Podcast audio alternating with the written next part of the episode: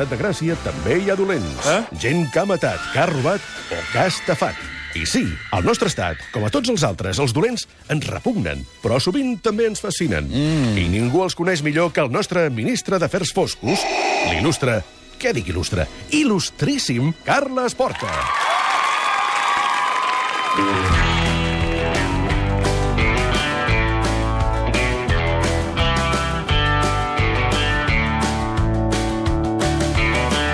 Passar la frontera al maleter.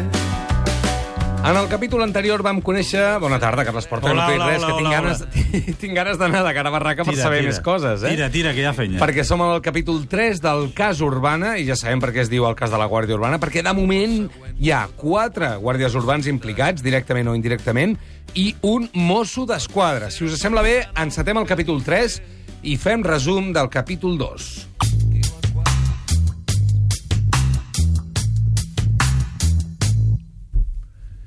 Aviam, on érem? A dijous, 4 de maig, al vespre. Es troba un cotxe cremat i al maleter hi ha un cadàver calcinat. El cotxe és propietat de Pedro Rodríguez, que és un agent de la Guàrdia Urbana de Barcelona suspès de feina i sou per haver agredit un motorista indisciplinat. El Pedro és la parella de la Rosa Peral, que també és guàrdia urbana, i resulta que la Rosa està de baixa perquè viu una situació difícil de portar. Un cap seu, amb qui sembla que va tenir una relació, presumptament va penjar a internet una foto sexual d'ella.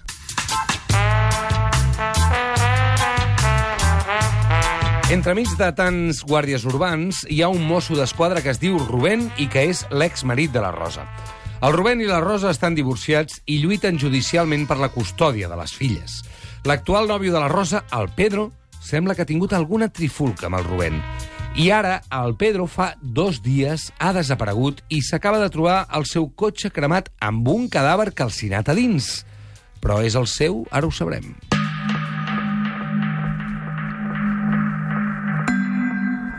Ens havíem quedat en la declaració que va fer la Rosa davant dels Mossos, la primera declaració, perquè en farà unes quantes. En aquesta primera declaració, als Mossos els queda clar l'enemistat entre el Pedro i el Rubén.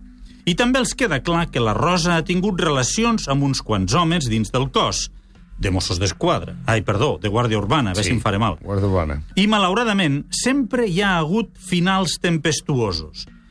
Repassem-les, aquestes relacions. Amb l'exmarit, el Rubén, estan barallats pels fills. Amb el sotsinspector de la Guàrdia Urbana també estan als tribunals pel que algú va penjar una foto d'ella. Amb el Pedro estan barallats fins al punt que ell fa tres dies que va marxar de casa i ara per ara està desaparegut. Uh -huh. I ens havíem oblidat d'un altre home, el també guàrdia urbà Albert López Ferrer, amb qui la Rosa va tenir una relació que, bé, com que la declaració del primer dia no en diu res, nosaltres tampoc no direm res més fins d'aquí una estona. De moment, mm, deixem el Pedro, ai, el, L'Albert l'Albert López, López, aparcat. d'acord. Un detall important. Els Mossos li pregunten a la Rosa si sabia si el Pedro tenia alguna pròtesi a l'esquena, i ella confirma que sí, que fa uns mesos el van operar de l'esquena per posar-li una pròtesi. Ja està. Doncs això, sense que ella sigui conscient, o sí, acaba d'establir una connexió fonamental entre el cadàver calcinat del maleter i el Pedro. Podria ser ell.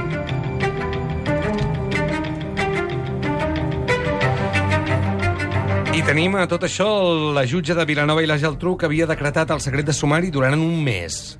Aquest secret de sumari s'havia decretat ahir, dia 4 de maig. Doncs a les 5 de la tarda d'aquell dissabte...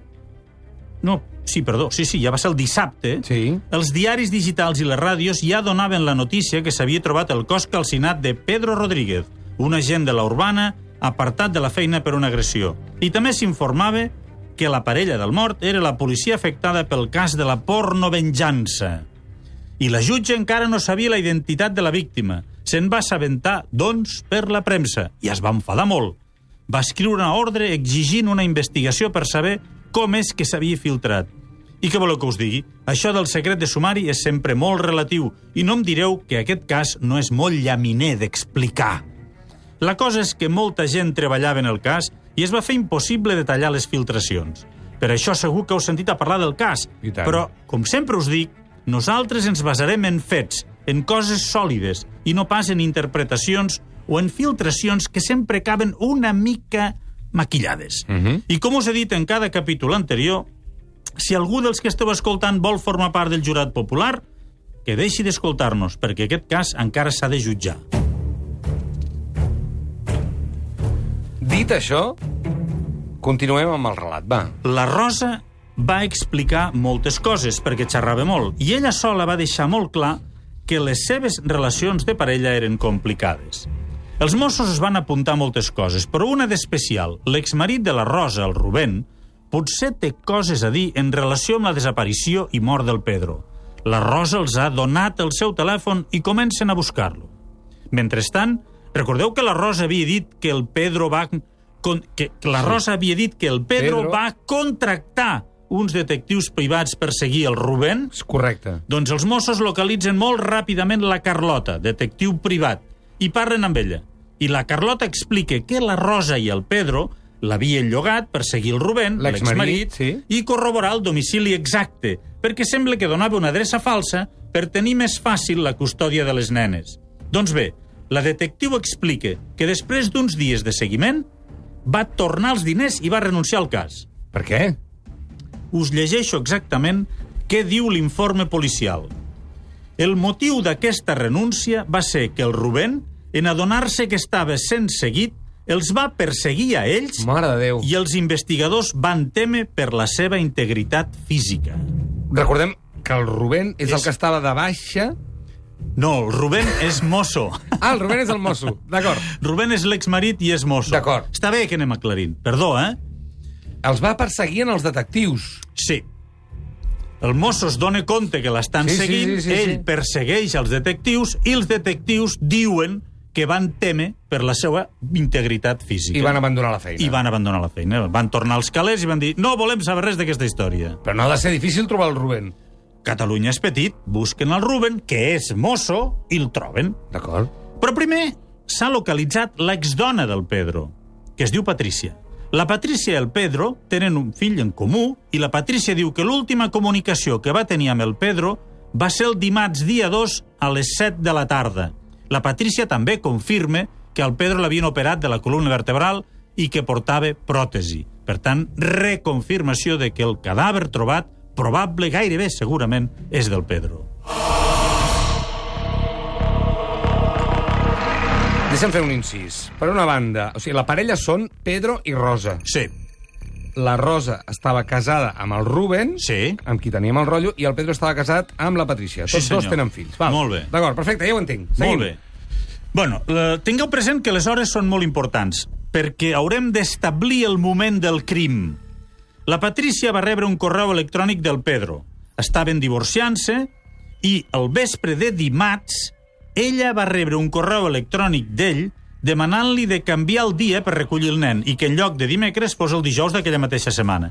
Una cosa molt normal entre parelles divorciades. Sí, sí, sí. Fixeu que és un correu electrònic, eh? no el veu físicament. És un correu electrònic. Tenim, doncs, que la Rosa, la parella actual del Pedro, diu que el va veure per última vegada físicament el dimarts dia 2 al migdia. I l'ex del Pedro diu que va rebre un email d'ell el mateix dimarts a dos quarts de vuit del vespre. Així mateix, la Rosa ensenya uns WhatsApp del Pedro d'aquell mateix dia a les 9.51 del vespre. Els investigadors estan recollint aquestes dades el divendres dia 5. A hores d'ara no es dubte que el dimarts a la nit el Pedro encara era viu. Torna-ho a repetir, això. Repetiré la frase. El divendres dia 5 de maig a la tarda, els investigadors no dubten encara, estan segurs, creuen, que el Pedro era viu el dimarts a la nit.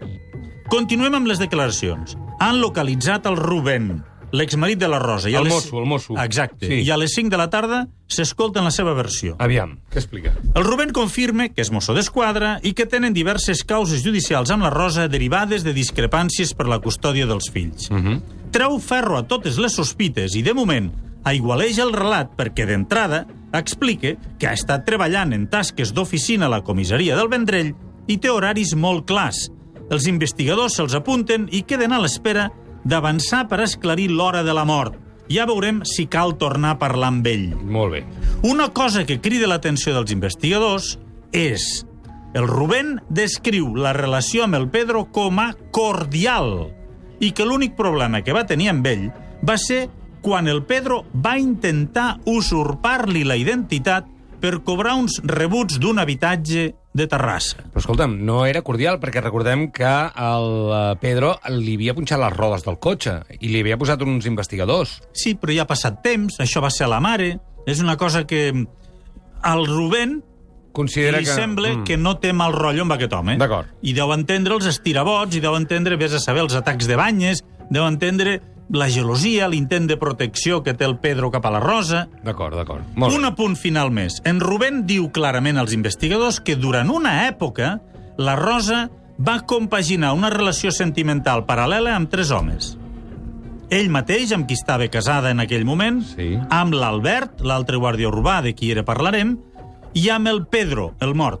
Ahà. És a dir, casada amb un mosso mantenia una relació amb dos guàrdies urbans, amb dos guàrdies urbans, i segons com ho mirem, també, de, també devia ser l'època en què mantenia relacions amb el sotsinspector acusat d'haver penjat fotos eròtiques seves a la xarxa.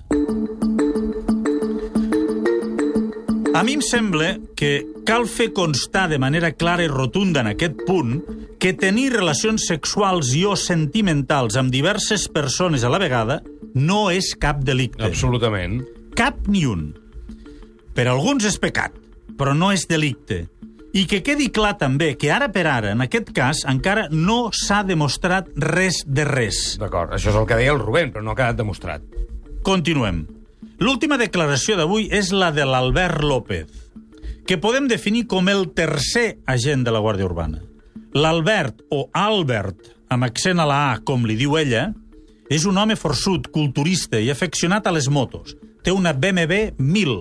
I resulta que el Pedro també és, o era, perquè ara ja podem dir que és mort, un home de metro 90, gairebé 100 quilos de pes, forçut, afeccionat a les motos, i la Rosa és una noia morena d'aparença dolça i guapa, força guapa, tirant amb un aspecte senzillet. D'acord. Per on anàvem? Estava declarant l'Albert. Molt bé. L'Albert diu que té una relació d'amistat amb la Rosa, amb la qual ha mantingut relacions sexuals esporàdiques i que l'última vegada va ser a l'octubre, novembre del 2016, quan la Rosa va començar la relació amb el Pedro. I que com que el Pedro era una persona molt gelosa, recordem això, eh? molt gelosa, l'Albert no podia ni saludar-la quan es trobaven per la caserna de la Urbana perquè, no ho hem dit, però en més d'un moment, a la mateixa caserna, hi devien ser la Rosa, l'Albert, el Pedro i el sotsinspector de la pornovenjança. Crispació n'hi havia. O po- podia haver-n'hi. Com a mínim, ambient dens, dens i potser tens, però quedem-nos amb que l'Albert insisteix que el Pedro, el mort, era molt gelós. L'Albert també diu als Mossos que estava al corrent de la mala relació entre el Rubén i la Rosa i el Pedro. Disculpeu, però com que hi ha molts personatges, crec que és bo que anem recapitulant. Sí, sisplau, aviam. La Rosa va dir que el Pedro i el Rubén tenien mala relació. Perdó. El Rubén diu que la relació era cordial. I l'Albert també diu que la relació era dolenta. Qui diu la veritat? Ja ho anirem veient. Ah, pensava que m'ho preguntaves a mi. Dic, no, per què? El que està clar és que el Pedro no pot donar la seva versió perquè és mort. Uh -huh. Una última coseta per anar acabant avui. No! L'Albert diu que el dimecres dia 3 va anar a dinar a casa de la Rosa i s'hi va quedar a dormir, especificant que al sofà. I que l'endemà, el dia 4, van coincidir en un dinar entre companys de la Guàrdia Urbana, ell i la Rosa. Val. Val, l'Albert diu que el dimecres dia 3 va anar a dinar a casa de la Rosa i s'hi va quedar a dormir, específicament al sofà. És a dir, no van tenir relacions. I que l'endemà, el dia 4, van coincidir en un dinar entre companys de la Guàrdia Urbana. Als investigadors se'ls dispara l'alarma. Clar, Com és possible que vagi a dinar a casa de la Rosa si la Rosa estava amb el Pedro. i s'hi quedi a dormir si diu que el Pedro era tan gelós? Tan gelós que no la podia ni saludar a l'oficina. Això no quadra. I s'hi va quedar a dormir? Ep, això no quadra. I ella no ha dit res d'això a la seva declaració. Ai, quin embolic. Però també tenim l'exmarit. L'última conversa entre la Rosa i el Pedro va tenir-lo com a punt central de discussió. Posem ordre, posem ordre, posem ordre. El mort es diu Pedro Rodríguez, que viu en parella amb la Rosa. Sí. El darrer WhatsApp del Pedro a la Rosa és del dimarts dia 2 a la nit. A la nit. Ha marxat de casa i diu que desconnecta. I ella ja no en sap res més. L'Albert diu que va a dinar a casa de la Rosa el, El dia- 3. El dia següent. Exacte, dimecres, per tant. I ja sap que el Pedro no hi és. Clar. Repassant la, la declaració, diu que la Rosa li va insistir que es quedés tranquil perquè el Pedro no tornaria, o no tornaria aquell dia. Com ho podia saber, això? Com n'estava tan segura si el Pedro no li havia contestat els missatges? És a dir, no havia confirmat de cap manera que no tornaria a la casa del carrer dels Llorers.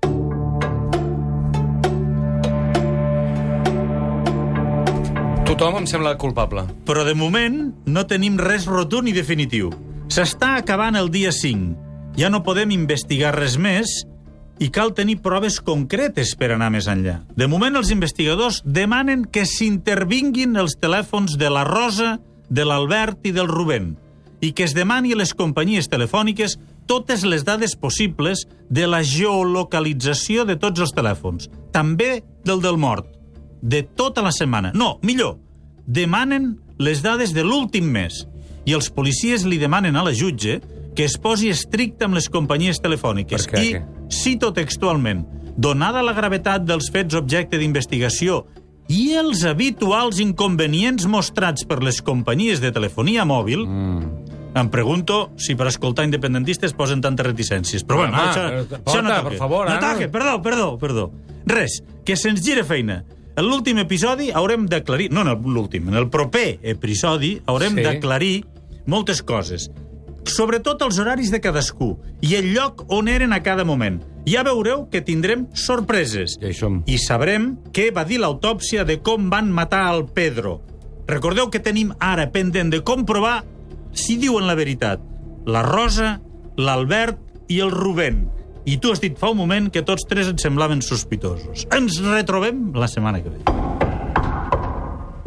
A Catalunya Ràdio, Estat de Gràcia, amb Roger de Gràcia.